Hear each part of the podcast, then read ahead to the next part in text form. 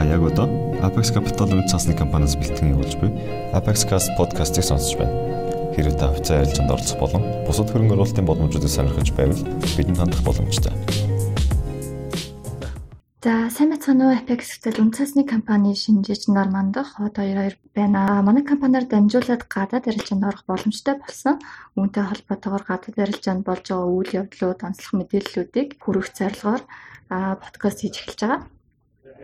Тэгэхээр өнөөдөр болохоор бүр анхан шатнаас нь эхлэе те. Тэгэхээр ямар ямар биржүүд байдیں۔ За тэгээд ямар ямар цагууд Монголын цагаар одоо цагууд нь яаж яаж таардгийг тэгээд тухайн биржүүд дээр ямар бүтээгдэхүүнүүдийг арилж авч болох уу? Ямар бүтээгдэхүүнүүд төрөнг оруулалт хийж болох уу гэсэн талаар одоо маш одоо шатны гэх юм тийм ойлголтыг өгч байна. Ер нь бол нөгөө гараад арилжааг гэж яриаддаг энэ дотроо юуг оруулаа, юуг хамруулаа яриад байгаа юм бэ гэдгийг л эхний байдлаар мэдээлэх юм. Биржүүдээс эхлэх үү?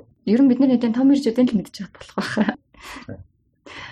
За ер нь аливаа биржийн том жижиг наригтай бол зах зээлийн үнэлгээгээр нь авч үздэг. За зах зээлийн үнэлгээгийн тооцоолохдоо бүртгэлтэй байгаа компаниудынх нь зах зээлийн нийт үнэлгээнүүд нь хооронд нэмээд гаргадаг гэсэн үг. За дэлхийн хамгийн том бирж бол New York Stock Exchange, Нью-Йоркийн хөрөнгийн бирж байгаа. За 1792 онд байгуулагдсан гэхээр одоо 200 гаруй жилийн түүхтэй дотор 2400 компанитай. Тэгээд зөвхөн энэ биржээр дамжуулаад дэлхийн бүх хөрөнгийн зах зээлийн арилжааны 40% нь бол явагддаг гэсэн мэдээлэл.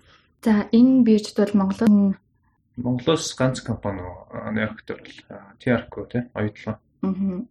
Тэгээ ер нь бол одоо Нью-Йоркт байлаг гэж зөвхөн Америкийнх гэсэн үг бол биш. Маш олон улсуудын томоохон компаниуд байгаа.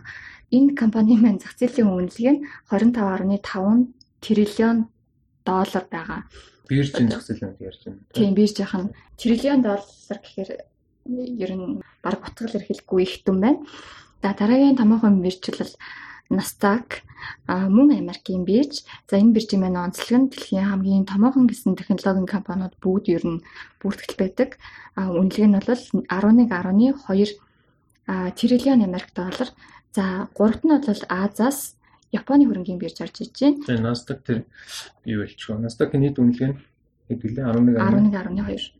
Тийм. Тэгэхээр энэ дээр нөгөө нэг технологийн компаниуд байж байгаа. Тэрнийх нь одоо нэг юунууд зөвхөн Amazon гэх чинь одоо сая нэг их 80 80-ын эзэлж чинь гэсэн үг. Энэ 11 их 80-ийнхаа. Apple гэхэд бас дахиад нэг их 80. Ингээд харахаар нөгөө нэг Apple, Microsoft, Amazon гэд гурван компани гэхэд энэ одоо юуныхаа индексийнхаа 30 гаруй хувийг эзэлж чинь гэсэн. Аа. Тэгээд технологийн компаниуд ер нь болцсон Nasdaq руу ингээд IPO ихээр Nasdaq руу гарч байгаа тийм. Аа. За тийм онцлогтой бирж байна. За гурав дахь нь Япон гэж хэлсэн. Энэ бол 5.1 триллион Америк долларын үнэлгээтэй гэхээр ер нь бол Америк бол хол тасарсан байгаа эндээс харж болно. За тэгээ Японы бирж дээр чинь одоо Toyota, Sony гэх мэтчлэн бас нэлийн томоохон Японы биржүүд Японы компаниуд байгаа. Гэхдээ бол нийтдээ 2400 компани үүсгэлтэй тийм ээ. За Японы дараа хятадын биржүүд бодлого Шанхай, Хонконг, Шинжээний биржүүд орж байна. За энд бол Монголоос ч бас хятадын биржүүд дээр Хонконг дээр бол манай нүүрсний компаниуд Монгол Mining, Mon Inco, Хөшөөтийн орд тийм компаниуд байдаг. Бас нэг Southco биржээс орж байна. Нүүрсний компаниуд Хонконг руу гардаг гэх юм уу? Аа. За за хятадын компаниудын дараа бол нөгөө манай Лондонгийн бирж орж байна. Тэгээ Европын биржүүд тэгээд бас Индийн бирж бас нэлийн том. Нэг бол 10 та багттай байна. За одоо эдгээр биржүүдээс юуг одоо худалдаа авах боломжтой байна вэ гэдэг талаар мэдээлэл өгөх хэрэгээрээ. Тэгээ юу тэг бүтээгдэхүүнүүдээс өмнө хоёул нэг цагуудаа ярьчих. За. Тэгэхээр нөгөө биржүүд одоо ингээд цагийн бүсээрээ мэдээж өөр өөр учраас одоо Монголоос энэ тухайн биржүүд рүү ороход цаг нь яаж таарч байна вэ те. Тэгэхээр Австралийн Австралийн биржээс эхлээд. Тэгэхээр Австрали болохоор Монголын цагаар өглөө 08 цагаас 14 цагийн хооронд явж байгаа. За Аз Азийн цаг мэдээж бид нар Азийн бүстэй учраас цаг нь маш айтайхан таардаг. Өглөө 9-өөс бол жишээлбэл Хонконгийн бирж өглөө 9-өөс өдрийн 4 хүртэл явдаг. За тэгээд нөгөө Шанхай, Токио Сингапур өдрөхээр бүгд ерөнхийдөө цагийн бүс ойролцоо учраас ерөнхийдөө Азийн биржүүд рүү өдрийн цагаар одоо өглөөний 9 цагаас 17 орчим цагийн хооронд бол ингээд ханшаа шууд хараад ороод иж болох нэ. За ингээд Аз хаах төхөд ирэхээр юу? Лондонгийн хөрөнгөний бирж нээдэг. 10 Монголын цагаар 15 цагаас нэгдээд 23 цаг 30 минут хүртэл харилцаа нэрж байгаа. За тэгээд Нью-Йоркийн хөрөнгөний бирж, за Торонто эдгээр болохоор цагийн бүсээрээ нэлээ орой Монголын цагаар бол 21 цаг 30 минутаас эхлээд тэгээ өглөөний 4 цаг хүртэл явдаг. Тэгэхээр өглөөний 4 цаг хүртэл яг өдөр болгоо ороход жоохон өдрөлттэй тий. Чинь нөгөө цагийн бүсээс хамаагаад нөгөө цагийн бүс солигддог шээ тий Монголд. Тэгэхээр бас энэ цаг нөхшөө хойшлоод бүр 10:30-аас эхэлдэг заримдаа. Монголын цагаар. За энэ цагийн бүсүүдийн хооронд орчлох нь. Тэгээд ингээд харахаар ерөнхийдөө ингээд 24 цаг тойроод бүх биржүүд бол нэг бирж нь хаагдахад нөгөөх нь нэгдэд явж идэг аа. Яг одоо жинхнээсээ дотор нэг бүтээгдэхүүнүүдийн бүтээгдэхүүнүүдийн талаар ярилцъя одоо энэ түрүү Нью-Йоркийн бирж ихт чинь л одоо 200 гаруй жил болсон байна шүү дээ. Тэгэхээр нөгөө ингээ цаг хугацааны туршилт бүтээгдэхүүнүүд нь хөгжсөөр байгаа. Улам олон төрлийн бүтээгдэхүүнүүд гарсаар байгаа. За хувьцаа бонд бол зүгээр нөгөө угсаа байж идэг юмнууд те. Монгол Монголын өнгийн бирж дээр хувьцаа бонд гэж байж хүмүүс бол хамгийн сайн ойлголттой байгаа. За бонд нь бол бас айгүй э, бага л да. Саяхан лен бонд гарсан байна. Хөрөнгөний бирж тэр бол 3 3 жилийн дараах нийлэлтэй бонд болж байгаа байхгүй. Хаалттай өрөөнд явагдаж бас олон онд тийм хүртээмжтэй биш. Э, яг л хуулийнхаа зүгээс зарлах боломжгүй гэдэгтэй холбоотойгоор энэ зах зээл маань бас хөгжил нь Монголд бол бага байгаа. А хувьцаа бол нэлийн голлох бүтээгдэхүүн болж явж байна. Тийм, хувьцаа бол хүмүүс мэдчихэж байгаа. Бондыг одоо нас бас нэлээд мэдэж эхэлж байна те. Тийм. Тэгэхээр гадаад дээр бол бондууд нь бол бүр маш олон төрлийн компаниудын бондууд, засгийн газрын бондууд, тэр нь тэгээд гол нь ингээ байнгын ингэ төвтэй арилжаалагч гэдэг тийм хоёр дахь зах зээл дээр тийм байна. За тэгээд нөгөө хүмүүсийн бас мэд forex арилжаа гэдэг аюух хүмүүс сонирхдаг болсон. Forex-ийн арилжаа бол энэ сөрөнгийн зах зээлдээ орчихно. За тэгээ үүсмэл үн цааснууд үүсмэл үн цаасны зах зээл гэж асар том зах зээл байна. За энд нөгөө options futures а ETF гэдэг одоо төрөлхтөрийн бүтээгдэхүүнүүд орж байгаа. За мэдээж таварын зах зээл бас нэлээд том хонцог эзэлж байгаа. Тэгэхээр энэ натайхаа бүтээгдэхүүнүүдийн талаар товчхон товчхон мэдээлэл үү те. Ааха за эхлээд э, мэдээж хувьцаа байгаа. За гадны хөрөнгийн биржээр дамжуулаад бол манай залуучдтай ер нь одоо дэлхийн бүх иргэдэд дэлхийн томоохон хамгийн том л гэсэн сайн гэсэн компаниудаас эзэн нь болох боломжийг бүрдүүлж байгаа. Тэгээд тухайн компаниудынхаа өсөлтөөс нь хашиг ашиг болох тий. А нүүдэлтэй бас ноодл шиг тараах юм бол тэндээс нь тогтмол өгөөж хүртэх боломжийг хувьцаагаар дамжуулаад бий болгож байна. За дараагийн бас томоохон зах зээл сая яриад өнгөрсөн бонд байна. За бондын тухайд бол мэдээж нээлттэй харилцаалагддаг хүрэх чадвар маш өндөртэй. А гэхдээ хүүтэй тодорхой хэмжээний хугацаатай бүтээгдэхүүн байгаа. А за value тарилжаа forex-ийг бас дурдаад өнгөрсөн. А энэ бол яг хөрөнгөний зах зээлтэй бол хамгийн том зах зээл нь гэж хэлж болно. Ганцхан өдрийн арилжаа нь 5 триллион Америк доллартай тэнцдэг гэж байна.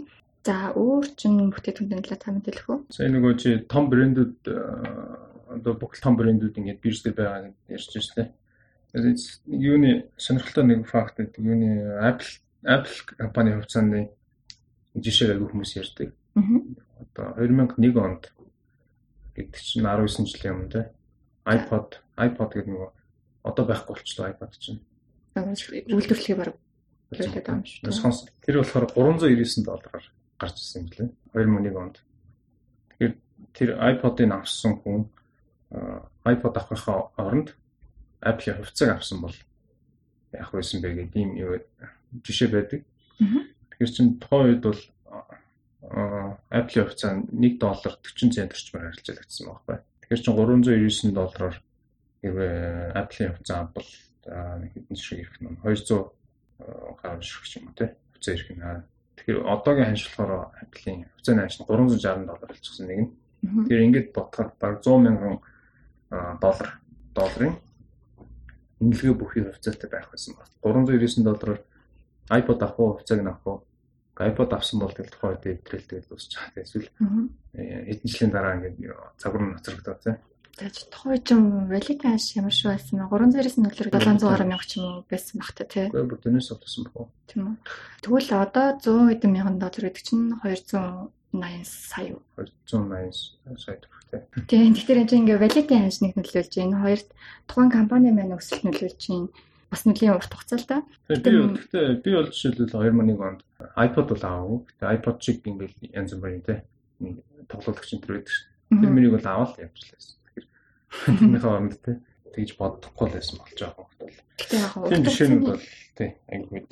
Хуримтлал одоо тэтгэврийн хуримтлал, хүүхдийн хуримтлал гэж ирдэг. Аа бас тодорхой хэмжээр нь гадны хугацаанд хөрөнгө оруулчвал зөв сонголтоо хийж чадвал ямар ашигтай байж болох вэ гэдэг юм бас жишээ бас их гоё кейс л тий. За бүтээгдэхүүнүүд цаашлаад юунууд байд. Үүсмэл үн цаасны маш том зах зээл байгаа. За үүсмэл үн цаас гэхээр options, futures гэдэг одоо гэрээнүүд арилжаалдаг. Энэгээр санаа цаанаа байгаа төсөөр бүтээгдэхүүн болох үед хувьцаа байж болно, алт алт таваар байж болно. Тэднийхээ ингээд ханштай ингээд уягдсан тийм үүсмэл үн цаасууд байгаа. За ETF гэж бас сонирхолтой бүтээгдэхүүнүүд байдаг. Exchange Traded Fund буюу биржээр арилжаалагддаг сан гэж байна. Ерөнхийдөө энэ хүмүүс хөрөнгө оруулагчид багц бүрдүүлэлтийг маш хэлбэр болгоод багцлаад өгчихсөн. Жишээлбэл одоо S&P 500 индексийн дотор байгаа 500 компаниас одоо авъя гэвэл тус бүрт нь авахд аягүй хүндрэлтэй. Одоо 500-ын авмаар байгаа гэж бодоход эсвэл тэрнээс нэг 50 компаниг шилээд авъя гэхэд бол маш их зардалтай аягүй тийм үйл ажиллагаа орно гэсэн үг л дээ. Тэрнийхээ оронд юу авч болж байгаа нэхэр S&P индексийн ETF гэж юм байна. SPY гэсэн символтой SPY гэдэг. Одоо өнөөдөр бол 300 орчим доллараар нэг ширхэг арилжаалж байна. Тэгэхээр энийг нэгийг авлаа гэхэд цаана ямар юм болох вэ гэхээр дотор индекст байгаа 500 компаниг ерөнхийдөө бүгдийг тодорхой хэмжээгээр авчиж байна гэсэн үг. Тэгэхээр S&P индексийн 500 компани магадгүй 200 ханш нь унаад 300 ханш өсөж ивэл энэ S&P индекс маань өсөж байгаа. Дагаад энэ SPY гэсэн ETF нь өсөж байгаа гэсэн. За энтэй адилхан ингээд маш олон төрлийн за том биржүүдийн индексүүд дээр за тэгээ салбар салбараар ч гэдэг юм уу ETF бол маш олон гэсэн байна тийм. Тэгээ тавар дээрч байна. Copox гээд зис олборлогчдын ETF байна. Энэ дотор бол жишээл 50 орчим компани хувьцаанд орж байгаа. Энэ дотор манай оюутлагаач орцсон байдаг. Red Center-ч орцсон байдаг. Тэр энэ бол 17 доллар жишээлбэл арилжаалагч байгаа байхгүй. 50 компани бүгдийг авах гэвэл нэгдүгээр маш өндөрлөлтэй. Хоёрдугаарт бас ETF авахын нэг давуу тал нь юу вэхээр эрсдлээ бууруулдаг. Одоо тэр 50 компани магадгүй те нэг нэг компани авсан байтал тэр нь асуудал санхүүгийн хувьд асуудалд гарвал тэр бол огцон уналт үзүүлнэ. За ETF дотроо байгаа учраас нэг компани томох уналтад илүү бас нөлөө үзүүлж чаддаггүй байна. За ингээд таварын зах зээл дээр гэхээр алт мөнгө газрын тос гэдэг үндсэн бүтээгдэхүүнийг ойлгож байгаа. За дээрэс нь элсэн чихэр одоо юу гэдэг кофе гэдэг бүл бараанд нь явж идэг. За хамгийн өргөн өргөн арилжаалагт нь бол алт мөнгө газрын тус байж байна. За тэгээд алтыг бол жишээлбэл авахдаа бит алтыг авч болж байна. Битээр нь одоо алтыг авч болдог өргөн зах зээл биш. За мөн түрүүний нөгөө ETF-ийг авч болдог. Тэгээ битээр нь авахын авахд бас давуу сул тал байгаа мэдээж. За сул тал нь гэх юм бол зардалтай энэ чинь нөгөө алтыг чинь бит алтыг хадгалах хадгалтын зардал гэдэг одоо жишээлбэл сар үрийн төлбөр гардаг ч юм уу ийм зардалтай. За хоёрдугаарт нь хөрөг чадварын бас асуудал байгаа. Битийн нэг ус зарна гэж хөрөг чадвар дээр асуудалтай. Тэр нөгөө ETF-ийг нь авчвал ерөнхийдөө зардал багаас гадна өдөртөө маш олон орж гардаг. Хувьцаа шиг арилжаалагддаг учраас учраас хөрөг чадвар илүү байна. За өнөөдөр болохоор ерөнхийдөө яг үнцэн ойлголт өглөө те. Биржүүд ямар биржүүд үүдийн тэгээ ямар бүтээгдэхүүнүүд авч болох юм. За дараагийн дугаарт болохоор илүү одоо практик гэх юм уу. Окей тэгвэл Apple-ийн хувьцааг авахын тулд би юу хийх ёстой юм бэ? Тэгэхээр мэдээж дансаа нэлгэн мөнгөө байршуулна те. Тэгэхээр одоо дансаа нэлэх процессыг нь шин задлаад жоон тайлбарлаж өгье гэж байна дараагийн дугаартай. Жишээлбэл шууд гадаад биржийн гадаадын одоо брокер төр шууд хандаад дансаа нэлэх хөлбөр байна. Эсвэл дотоодын Монголд байгаа брокеруудтай холбогдоод бас арилжаанд орж болж байна. Тэрний одоо давуу сул талууд нь юу юм? Тий. Тэгээд ямар процессын дагуу явдгийг. За дансаа нэгтлэх нийлэгчлэгт мөнгөө яаж байршуулдаг юм? Тэр мөнгө байршуулах байршуулах гардаг зардлууд ямар байдгийг гэх мэтлэн ингээд практик зөвлөгөөг дараагийн дугаартаа оруулъя. За. За баярлалаа баяртай.